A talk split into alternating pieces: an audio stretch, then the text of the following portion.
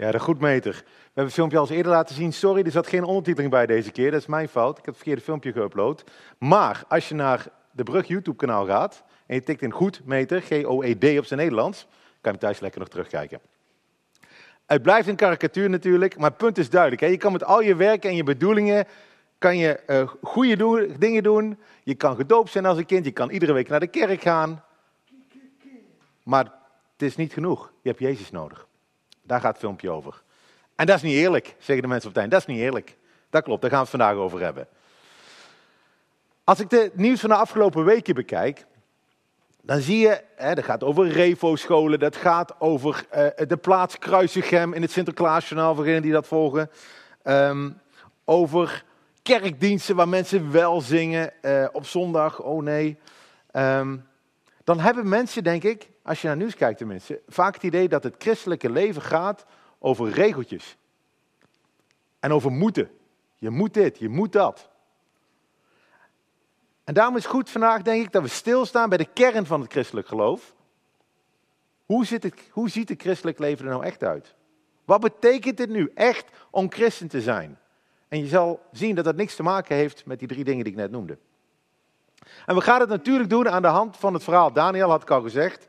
We zijn eh, begin van het jaar, begin van het jaar hè, begonnen aan het boek. Uh, we zijn pas negen hoofdstukken verder. Nicole zei, uh, zijn we al klaar? Maar nee, het boek is nog niet klaar met ons. We hebben gelezen dat Daniel afgevoerd werd als kind, als tiener, uit Babylon. Of uit Jeruzalem naar Babylon. Weg uit zijn geboortestad om te gaan werken voor de koning. Een vreemde koning. En nadat de Babyloniërs eruit gezet waren door de Mede en Perzen, bleef hij dienen. En nu voor de koning van de Mede en de koning van de Perzen. En vandaag mogen we kijken, een heel klein kijkje nemen in het leven van Daniel. Waar hij mee bezig is en hoe hij reageert als bepaalde dingen gebeuren. En als hij zich aangesproken voelt door een tekst die hij leest. En ik hoop dat wij vanochtend met elkaar onszelf in de spiegel mogen kijken. Hoe zit het met ons? Ik ga het ook een beetje interactief houden. Ik zie dat een van mijn kinderen al bijna slaapt. Dus ik probeer het een beetje interactief te houden. Hoe reageren wij? Hoe ziet ons leven eruit als we dat vergelijken met het leven van Daniel? En ik heb vijf punten, jongens. Geen drie, vijf. Het is een bijzondere brugsondag. Over hoe het christelijk leven eruit ziet. Laten we gewoon beginnen met lezen. De tekst hebben jullie, kun je meelezen. En ik ga vragen stellen, dus misschien is dat wel handig. Ik kan een beetje antwoorden. In het eerste jaar van Darius, dat is de koning van de Mede, de zoon van Ahasveros uit het geslacht van de Mede, die koning gemaakt was over het koninkrijk van de Gadee. In het eerste jaar van zijn regering merkte ik, Daniel, hij schrijft in, hè, in, in, in, in persoonvorm, hij schrijft zelf op, in de boeken het aantal jaar waarover het woord van de Heer tot de gekomen, tot de profeet Jeremia gekomen was. 70 jaar zouden na de verwoesting van Jeruzalem voorbij moeten gaan. Dus het Babylonische Rijk is, is voorbij. Hè? De Mede en Perzen zijn gekomen. Daar hebben we over gelezen, een aantal hoofdstukken gelezen. En daar is Darius. Darius waar we in hoofdstuk 6 tegenkomen. Hij is de koning die uiteindelijk Daniel in de leeuwenkuil zet. Maar dit is pas het eerste jaar van Darius. En wat is Daniel aan het doen? Daniel is zijn Bijbel aan het lezen. Het blijkt gewoon normaal te zijn voor Daniel. Ik denk dat Daniel dat regelmatig deed. Hij praat met God, hè, dat noemen we bidden. En hij luistert naar God, ook door de Bijbel open te doen en te luisteren naar wat God hem te zeggen heeft. En dat is mijn eerste punt. Daniel heeft een relatie met God. En christenen gaat het niet zozeer om regels, maar het gaat om een relatie met God. Praten met hem, luisteren naar hem, leven voor hem. Jezus die een arm om je heen slaat in zo'n relatie, zoals we op het filmpje zagen. Het was nog iets sterker geweest als die meneer meteen Jezus herkend had. Daniel luistert hier door, naar God door de Bijbel te lezen. En wat hij leest is super bemoedigend voor hem. Want hij was inmiddels al 80 jaar oud, Daniel. En hij was op zijn 14e, 13, 14, 15e was hij afgevoerd. Er zijn bijna 70 jaar voorbij gegaan. En, en, wat leest hij? Hij leest in de profeet Jeremia. En ik heb het opgezocht wat hij waarschijnlijk gelezen heeft. Hij leest dit. In Jeremia 29 staat dit. Zo zegt de Heer, voorzeker, wanneer 70 jaar in Babel voorbij zijn, zal ik naar u omzien en over u mijn goede woord gestand doen door u terug te brengen naar deze plaats. Had God van tevoren al gezegd. God had al gezegd door de profeet Jeremia dat het volk na 70 jaar teruggebracht zou worden naar Israël. Naar hun thuisland, naar de tempel. Denk je, wauw, dat is geweldig als Daniel dit leest. Een belofte van God. En de 70 jaar zijn bijna om. Dus wat doet Daniel? Hij reageert erop. Hij reageert door te praten met God. Hij wordt niet passief. Hè? Je zou kunnen denken, God heeft al beloofd, dus uh, ik wacht gewoon eventjes tot die 70 jaar voorbij is. Maar nee, hij reageert. Hij bidt tot God. En het hele volgende stuk is één lang gebed. Ik knip hem even in stukjes, zodat we er rustig doorheen kunnen gaan. Daniel schrijft dit. Ik richtte mijn gezicht tot de Heere God om hem te zoeken in gebed. Met smeekbeden, met vasten en in zak en as. Ik zou denken, hé hey Daniel, je bent toch blij? Ho hoezo zit je nou in zak en as? Het is een feestje. Je weet dat je bijna terug mag. Waarom is dat? Nou, dat gaan we nou lezen. Ik bad tot de Heere mijn God en ik deed beleidenis. Ik zei, och Heere, grote en ontzagwekkende God, die zich houdt aan het verbond en de goede tierenheid ten aanzien van hen die hem liefhebben en zijn geboden in acht nemen. Wij hebben gezondigd. We hebben onrecht gedaan. We hebben goddeloos gehandeld. We zijn in opstand gekomen door af te wijken van uw geboden en bepalingen. We hebben niet geluisterd naar uw dienaren, de profeten die in uw naam spraken tot onze koningen, onze vorsten en onze vaderen. En tot heel de bevolking van het land. Daniel leest niet alleen dat hij terug mag naar, naar Israël. Hij leest ook waarom hij in Babylon zit.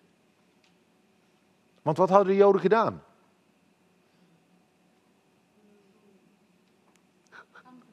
Andere goden gemaakt. Nog meer? Gezondigd. Ze hebben onrecht gedaan. Goddeloos gehandeld. Ze zijn in opstand gekomen, staat in de tekst. Ze hebben niet geluisterd. Daniel snapt wat de reden is waarom God gedaan heeft wat hij heeft gedaan. En hij is het eens met God. Dat is ook mijn tweede punt. Hij is het eens dat God rechtvaardig is. En hij maakt geen slappe excuses hiervoor. Hij gaat verder. Hij zegt, bij u Heer is er gerechtigheid. Maar bij ons is schaamte op het gezicht. Zo is het te nagen bij de mannen van Juda, bij de inwoners van Jeruzalem en bij heel Israël, bij hen die dichtbij zijn en bij die ver weg zijn, in alle landen waarin u hen verdreven hebt, om een trouwbreuk die zij tegenover u gepleegd hebben. Heren, bij ons staat de schaamte op het gezicht. Bij onze koningen, onze vorsten, onze vaderen, omdat we tegen u gezondigd hebben. Daniel zegt, God, u bent goed en wij hebben gezondigd. Wij schamen ons ervoor. En als je christen bent, of christen wil worden, is dit punt wel cruciaal. Hè? Dat je het eens bent met God, dat God rechtvaardig is. Dat hij rechtvaardig handelt. Dat hij bij het rechte eind heeft. Ook al zien wij of onze cultuur dingen die God zegt in een heel ander licht. En ook dat wij altijd tekort zullen schieten. Dat we niet de eer geven aan God die hij verdient. Niemand van ons doet het. Geldt dat ook voor jou? Voor mij deze week? Dat we het eens zijn met God dat hij rechtvaardig is? Of denken we soms net als die mensen in dat filmpje, hey, that's not fair, dat is niet eerlijk. Dat is niet eerlijk dat dit gebeurt. We hebben allemaal die momenten. Ik schreef volgens mij vorig weekend in de, in de, in de, in de, in de app, als je het gelezen hebt, dat iemand die ik volg op internet, een uh, voorganger van een kerk, uh, schrijft iedere, meerdere keer per week een mooie blog, uh, reviewt boeken. Iemand die ik echt enorm waardeer voor, wat hij wat hij doet in, in de christelijke wereld. En één keer valt zijn zoon van twintig dood op een veld dan heb ik dit gevoel. God, dit is niet eerlijk. Er zijn nog 6 miljard andere mensen die om hadden mogen vallen.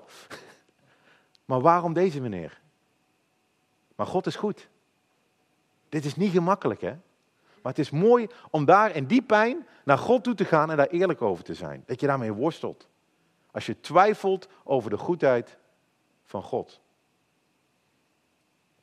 Wat we niet moeten doen is excuses maken. Ik hou enorm veel van politieseries. Dat weten een aantal van jullie. Um, en daarmee bedoel ik series, ja, mijn kinderen zucht al, waarmee iemand met een camera meegaat met de politie. En tegenwoordig is gaaf, want de politie heeft al een eigen camera op zak, dus je hoeft niet eens meer mee te gaan. Je kan van alles voor elkaar verzamelen. Meestal in Amerika. Ehm, maar ook Engelsen, ik vind dat geweldig, want die hebben geen geweer, hè, die Engelsen. Dus die moeten veel meer verbaal kunnen. Waar die Amerikanen springen uit een auto gaan schieten, moeten die Engelsen moeten het eh, anders oplossen. Dat is heel leuk.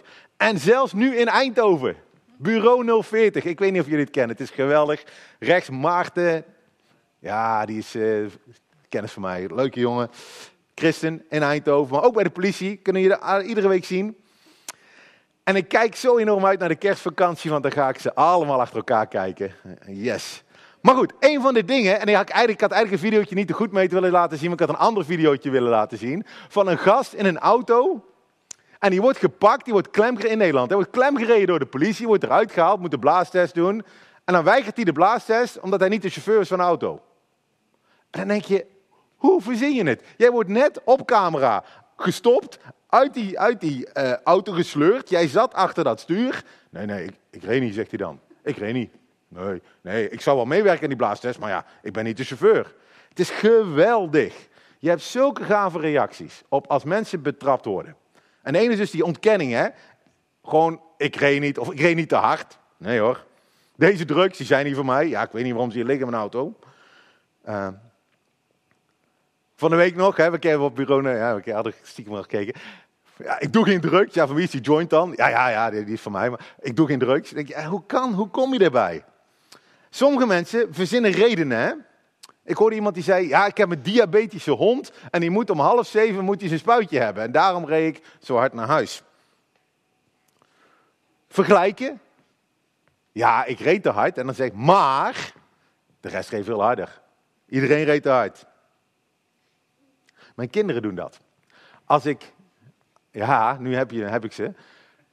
Als ik tegen kind A zeg, waarom doe je dat? Ja, maar kind B. Dus altijd de zin, hè? maar, en dan komt de naam van een ander kind, die doet het ook, of nog erger. Dat is standaard reactie, heb ze nooit geleerd. Sommige mensen spelen ook slachtoffer trouwens op die series. Hè? Weet je hoe moeilijk ik het heb in mijn leven? Maar ontkennen, redenen verschillen, vergelijken, slachtoffer spelen, hebben helemaal, natuurlijk helemaal niks te maken hè, met waarom je eigenlijk te hard reed. Eh, mensen rijden gewoon te hard en ze verzinnen redenen. En ik ben zelf ook geen haar beter. Als ik door rood fiets, ik betrapte me daar van de week weer eens op, dan fiets ik weer op, dan fiets ik door rood. En dan heb ik in mijn hoofd al, al vijf redenen waarom ik door rood fiets. Het was veilig, er was geen auto in zicht, stomme stoplicht, het regent, ik moet snel naar huis.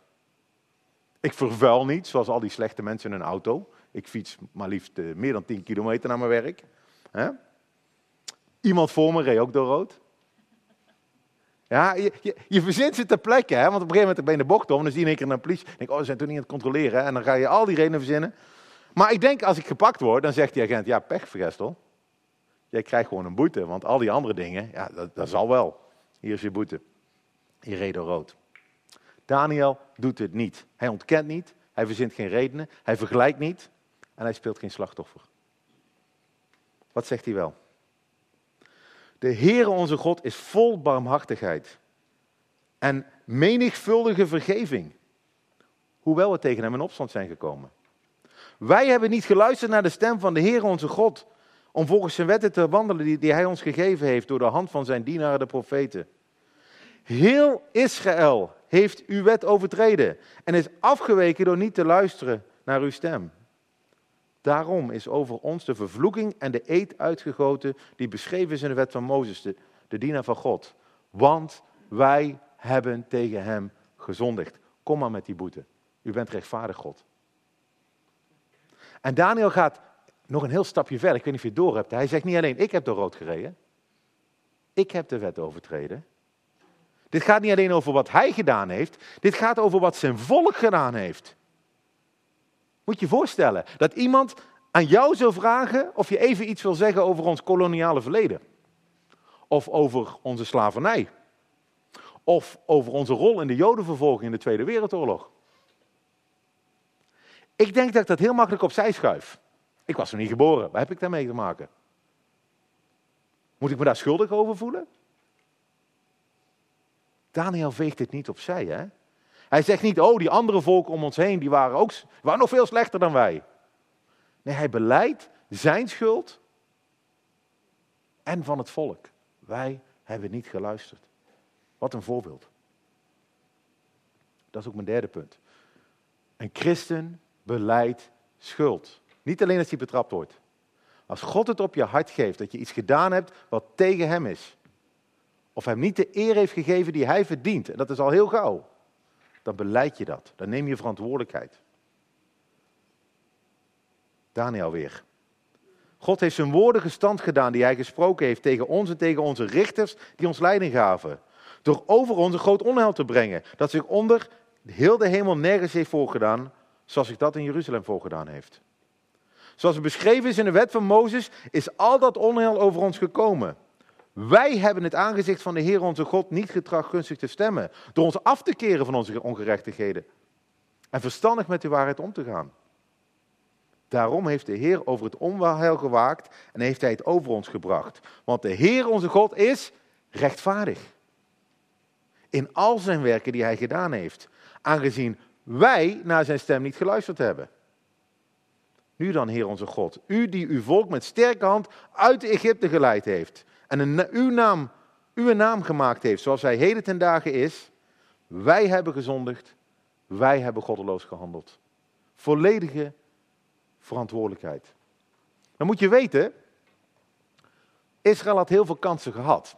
Ik weet niet of jullie de Sabbatsregel kennen in, in, in, in, in Israël. Een van de regels is dat je de, de zevende dag een rustdag pakt. Maar dat gold ook voor het land. Je mocht zes jaar het land verbouwen. En dan het zevende jaar was een Sabbatsjaar. Dan moest je het land met rust laten. Kon het land, land tot rust komen. En dan kon je dit jaar erop weer planten. Economisch is het natuurlijk een slechte formule. Dan ben je 14% van je omzet kwijt. Iedere zeven jaar ben je een jaar je land kwijt. Dus zijn de, de Israëli's daarmee gestopt. Die dachten, wij gaan gewoon door. En God heeft ze gewaarschuwd. Jullie moeten die Sabbat rust geven aan het land. En is opnieuw gewaarschuwd. En opnieuw gewaarschuwd. 70 keer heeft hij gewaarschuwd. En toen was het geduld voorbij. 490 jaar. Daniel zegt, we zijn niet verstandig met uw waarheid omgegaan. God had 490 jaar geduld, maar uiteindelijk kwamen die Babyloniërs en werden ze afgevoerd. En als gevolg daarvan is Daniel gecastreerd, afgevoerd en heeft hij zijn hele leven in dat paleis daar in Babylon moeten wonen en hard moeten werken. En toch zegt hij, God is rechtvaardig. Ik weet niet, als ik afgevoerd word, gecastreerd word, vanwege ons slavenverleden, of vanwege de jodenvervolging, of vanwege dat ik die woorden van Daniel zou durven zeggen. Kan ik veel van leren. Hoe zit dat met jou?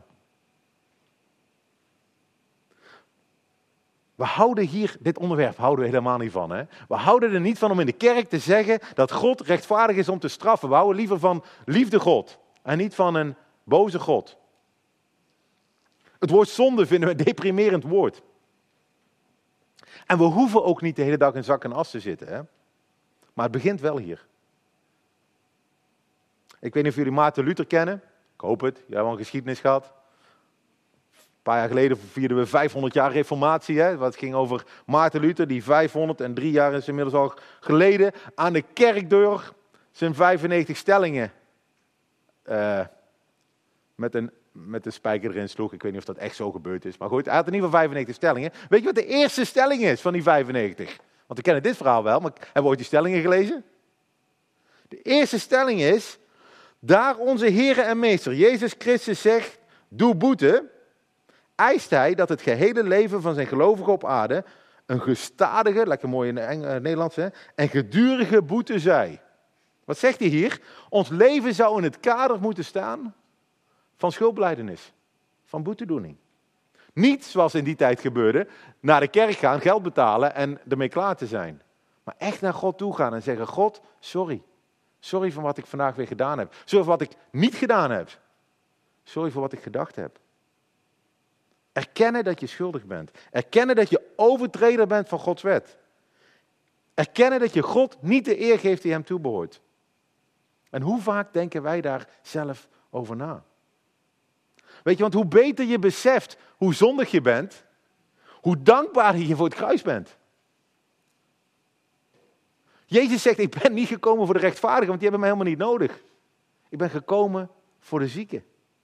Als je denkt dat je gezond bent, heb je God helemaal niet nodig. Sommigen van jullie komen van een wat uh, zwaardere, misschien reformatorische achtergrond. En die kennen misschien ook wel drie woorden. Ellende, verlossing, dankbaarheid. Dit is ellende. Ellende. Maar gelukkig is dat niet het einde. Hè? Verlossing en dankbaarheid. Lees maar verder. Heren, laten toch uw toren, uw boosheid hè, en uw grimmigheid zich afwenden van, onze, van uw stad, Jeruzalem, uw heilige berg. Op grond van al uw gerechtigheden. Want om onze zonden, om de ongerechtigheden van onze vaderen, zijn Jeruzalem en uw volk tot smaad geworden voor alle die ons omringen. Hij zegt eigenlijk, iedereen lacht om ons. Nu dan onze God, luister naar het gebed van uw dienaar en naar zijn smeekbeden. Doe omwille van de Heere uw aangezicht lichten over uw heiligdom, dat verwoest is.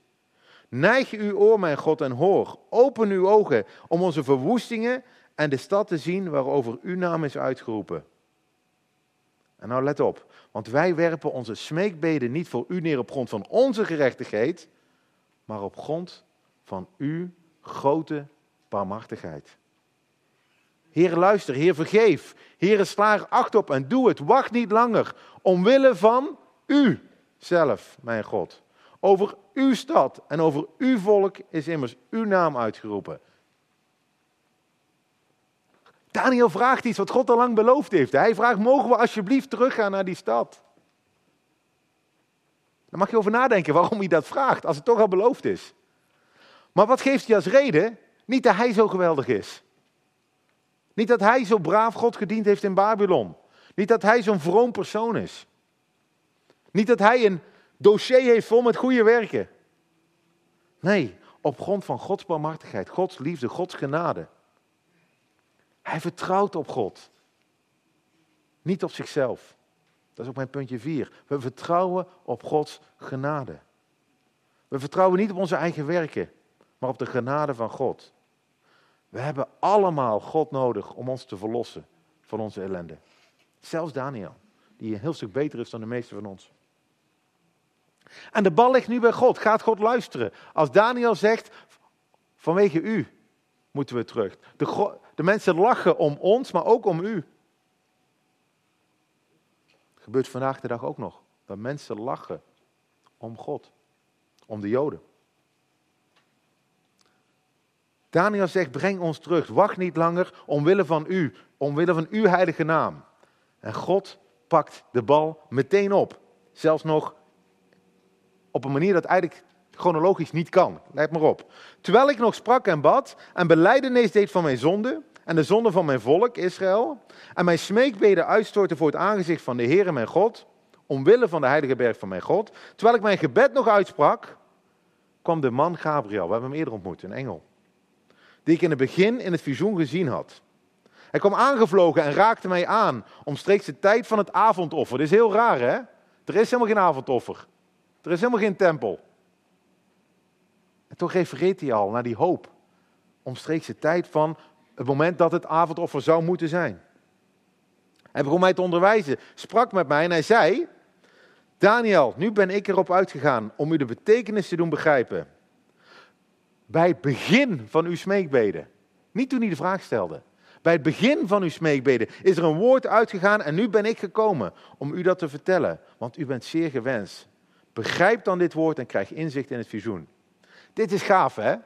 Op het moment dat Daniel begint te bidden, zijn eerste zin wil uitspreken, staat God er al. Ik moet altijd denken aan die verloren zoon. Hè? We hebben het hier vaker over die verloren zoon gehad. Die wil naar zijn vader toe gaan en iets zeggen. Maar voordat hij een woord uit zijn mond krijgt, staat die vader al en die heeft hem al omarmd. En kan hij niet eens meer even zijn woorden eruit krijgen, omdat zijn vader hem aan het knuffelen is. Dat gebeurt hier ook. Als wij bidden tot God, weet God al lang wat we zeggen. God reageert daar ook op. Hij wil graag reageren op ons. En daar mogen we ons zo dankbaar voor zijn. Soms vinden we het eng hè, als we het hebben over beleiden van zonde. Van oeh, durf ik dit tegen God te zeggen? Je gaat God niet verrassen. God weet alles. Hij ziet alles. Dat is mooi.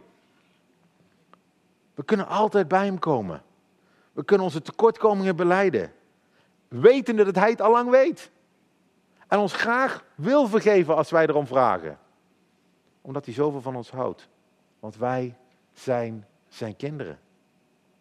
God wil, liever, wil niets liever dan dat we bij hem komen met hem praten over wat er speelt in ons leven. Hij wil ons meer op hem laten lijken, ons laten groeien in geloof en vertrouwen op hem.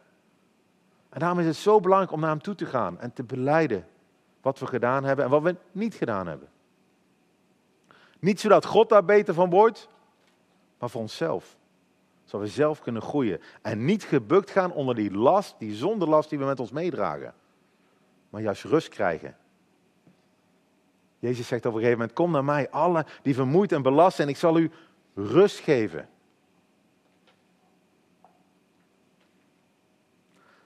Daniel bidt dat het volk terug mag naar Jeruzalem.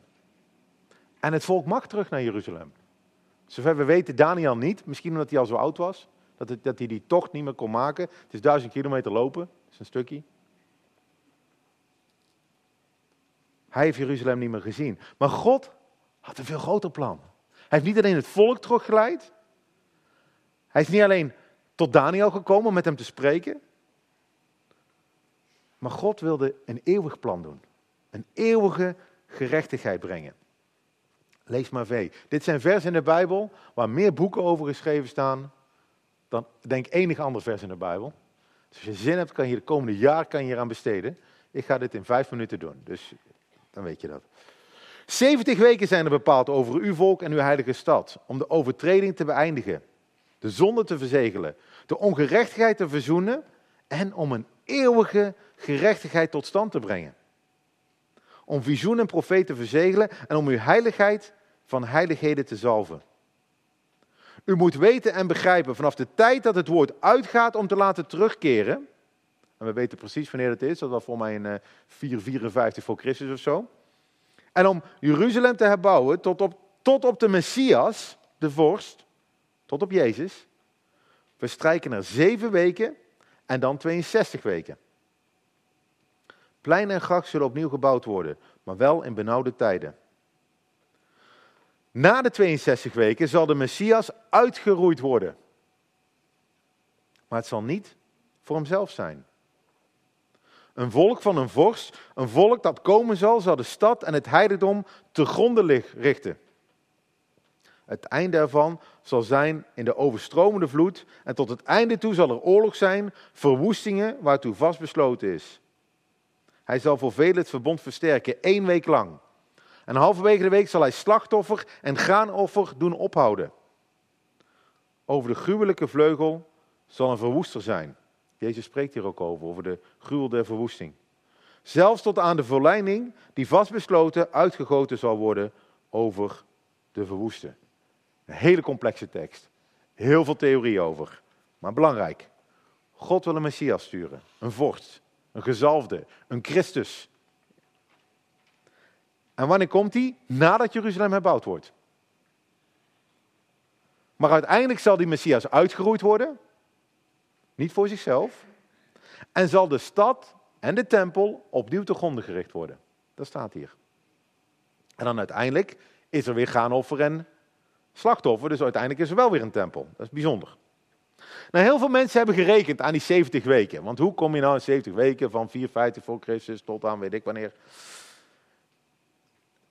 En de meeste mensen zijn het over eens dat dit geen weken zijn, maar jaarweken. Dus zeven, een week van zeven dagen is eigenlijk zeven jaar. Zeven weken, 49 jaar, om Jeruzalem te herbouwen. Plein en gracht stond er in de tekst. Daarna 62 weken, 62 jaar, uh, jaarweken, dus is 434 jaar, voor degenen die snel zijn in wiskunde, voordat de Messias uitgeroeid wordt. En, en, en weet, hè, we zaten in 450, en als je dan die 49 plus je 434 optelt, dan kom je ongeveer rond dat jaar 30 uit. En dan nog een laatste week, voordat Jeruzalem ten gronde gericht wordt. Dat er een volk komt en het ten gronde ligt. En heel veel mensen die goochelen met die getallen en dan kom je op hele mooie theorieën uit. En als je hier zit vanochtend en je bent 100% zeker van je getallen, dan wil ik één ding voorhouden. Die mensen toen konden ook rekenen. En die rekenden ook heel veel. Herodes had zijn schriftgeleerden en zijn astrologen en, zijn, en die, die rekenden, want die wilden die Messias uitroeien. En ze wisten het allemaal precies, ze hadden het allemaal uitgerekend. Maar wie was als eerste bij Jezus? Wie waren als eerste daar? De herders. Die hadden geen wiskunde B in hun pakket, denk ik. Die hadden geen proppenduizen wiskunde op de TU. Die hadden er waarschijnlijk nog niet eens aan gerekend. En afgelopen week hoorde ik een hele mooie zin, en ik ga die meteen, ja, Vijvendraad, de bron, hè, dat is de auteur van deze zin. Die zei, ik ben liever een knielende herder dan een alleswetende schriftgeleerde. En ik vond dat zo'n mooie zin. Ik ben liever een knielende herder dan een alleswetende schriftgeleerde. Dus kijk even welke categorie jij wil horen. Met je, als je het helemaal uitgerekend hebt allemaal. Vertrouw op God. Het komt goed. En niet op je eigen rekenkunst. Maar we hebben wel het voorrecht dat we terug kunnen kijken in de tijd. We weten dat Jeruzalem herbouwd is. We weten dat Jezus gekomen is. We weten dat Jezus gestorven is. Niet voor zichzelf, maar voor ons. Voor onze ongerechtigheden. Hij neemt onze plaats in. Net als in het filmpje. Hij is gestorven aan een kruis, zodat wij niet hoeven te sterven. Hij is door God verlaten, zodat wij nooit door God verlaten zullen worden. Hij is opgestaan uit de dood, zoals als wij straks bij zijn komst ook mogen opstaan uit de dood. En voor degenen die nog twijfelen of Jezus de Christus was, de Messias, we weten ook dat de tempel in het jaar 70 compleet verwoest is. De Messias moet komen in een heel klein tijdstip. Daniel krijgt iets geweldigs te horen als antwoord op zijn gebed. Niet alleen wordt zijn volk terug naar Jeruzalem gebracht, wordt de tempel opnieuw gebouwd en hersteld. De tempel was de plek waar God met zijn volk was. Maar de overtredingen worden beëindigd. De zonden worden verzegeld, de ongerechtigheden verzoend. Om een eeuwige gerechtigheid tot stand te brengen. Niet alleen wordt Jeruzalem hersteld, maar er komt een eeuwige gerechtigheid voor de hele wereld. En dat is het grote verschil tussen ons en Daniel. Daniel moest vooruitkijken. Hij had een relatie met God. Hij kent God, hij weet dat God rechtvaardig is. Hij beleidt zijn zonde en wacht af hoe God reageert. Maar wij kunnen terugkijken. Zien hoe trouw God is geweest. Zien hoe trouw God is geweest voor Daniel, voor zijn volk Israël en ook voor ons. We weten dat God zijn zoon gestuurd heeft, Jezus Christus, om te sterven voor onze zonde. En Jezus zei: Het is volbracht. Onze zonden zijn betaald. Moeten we ons dan schuldig voelen? Dat was een van mijn eerste punten. Ja, maar blijf daar niet in hangen. Blijf daar niet in stilstaan. We mogen vragen aan God of hij genade wil hebben, wetende dat hij ons al verlost heeft. En een einde heeft gemaakt aan alle ellende. Aan het kruis. Voor eeuwig. Ellende, verlossing, dankbaarheid. Zonde en schuld zijn echt, maar de genade van God ook. Samenvattend, hoe ziet het christelijk leven er dan uit? Eén, een relatie met God, waarin we praten met God en lezen uit de Bijbel, proberen te luisteren naar zijn stem. Twee, als we dingen ontdekken in ons leven waarvan we God de eer niet hebben gegeven, waarvan we denken dat God daar niet mee akkoord is. Als we zien dat God dingen afkeurt die wij goedkeuren, die we misschien zelfs vieren, dan bekeren we ons, dan draaien we ons om. En zorgen dat we het eens worden met God. Super lastig. Want hij weet wat het beste voor ons is. We beleiden onze zonde. Punt 3. Vragen om vergeving en vertrouwen op God. 4. Weten dat hij genadig is en goed en liefdevol. En weten dat we daadwerkelijk vergeven zijn door het offer van Jezus aan het kruis. En daarom kunnen we dankbaar zijn. En hoeven zelf niet met die last rond te lopen. Weet je, en omdat wij vergeven zijn, kunnen we ook weer anderen vergeven. Kunnen we uitdelen van die dankbaarheid. Mogen we onszelf zijn, hoeven ons niet te schamen. Zeker niet in een kerk waar we andere niet perfecte mensen zoals jij en ik hebben. En bouwen we niet een kerk omdat wij zo geweldig zijn, maar omdat God zo geweldig is. Ik wil eindigen met de woorden van een goede vriend van Jezus, Johannes, die zelf aan dat voet van dat kruis heeft gestaan. En hij schrijft dit. En dat vind ik zo mooi. Als wij in het licht wandelen, lieve mensen, wandelen in het licht. Zoals Hij in het licht is, hebben we gemeenschap met elkaar. Zijn we verbonden met elkaar. En het bloed van Jezus Christus, zijn zoon, reinigt ons van alle zonde. Als we zeggen dat we geen zonde hebben, misleiden we onszelf. En is de waarheid niet in ons. Maar als we onze zonde beleiden, Hij is getrouw en rechtvaardig om ons de zonde te vergeven en ons te reinigen van alle ongerechtigheid. God is getrouw, Hij is rechtvaardig, Hij wil ons reinigen, schoonmaken van alle ongerechtigheid. Laten we tot die God vanochtend naderen en dankbaar zijn. Heere God, dank u wel. Dank u dat u getrouw en rechtvaardig bent, Heer. Dank u dat we bij u kunnen komen hier vanochtend. Wetende dat ook al is ons leven niet perfect. En ook al spelen we de dingen, dat we gewoon die bij u kunnen brengen. Dank u dat we weten dat Jezus gestorven is. Voor alles wat wij misdaan hebben. Heer, maak dat besef groter in ons leven. Heer, en help ons, geef ons kracht door uw Heilige Geest om te wandelen met u.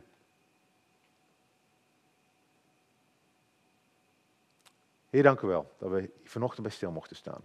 Ga met ons mee. In Jezus' naam. Amen.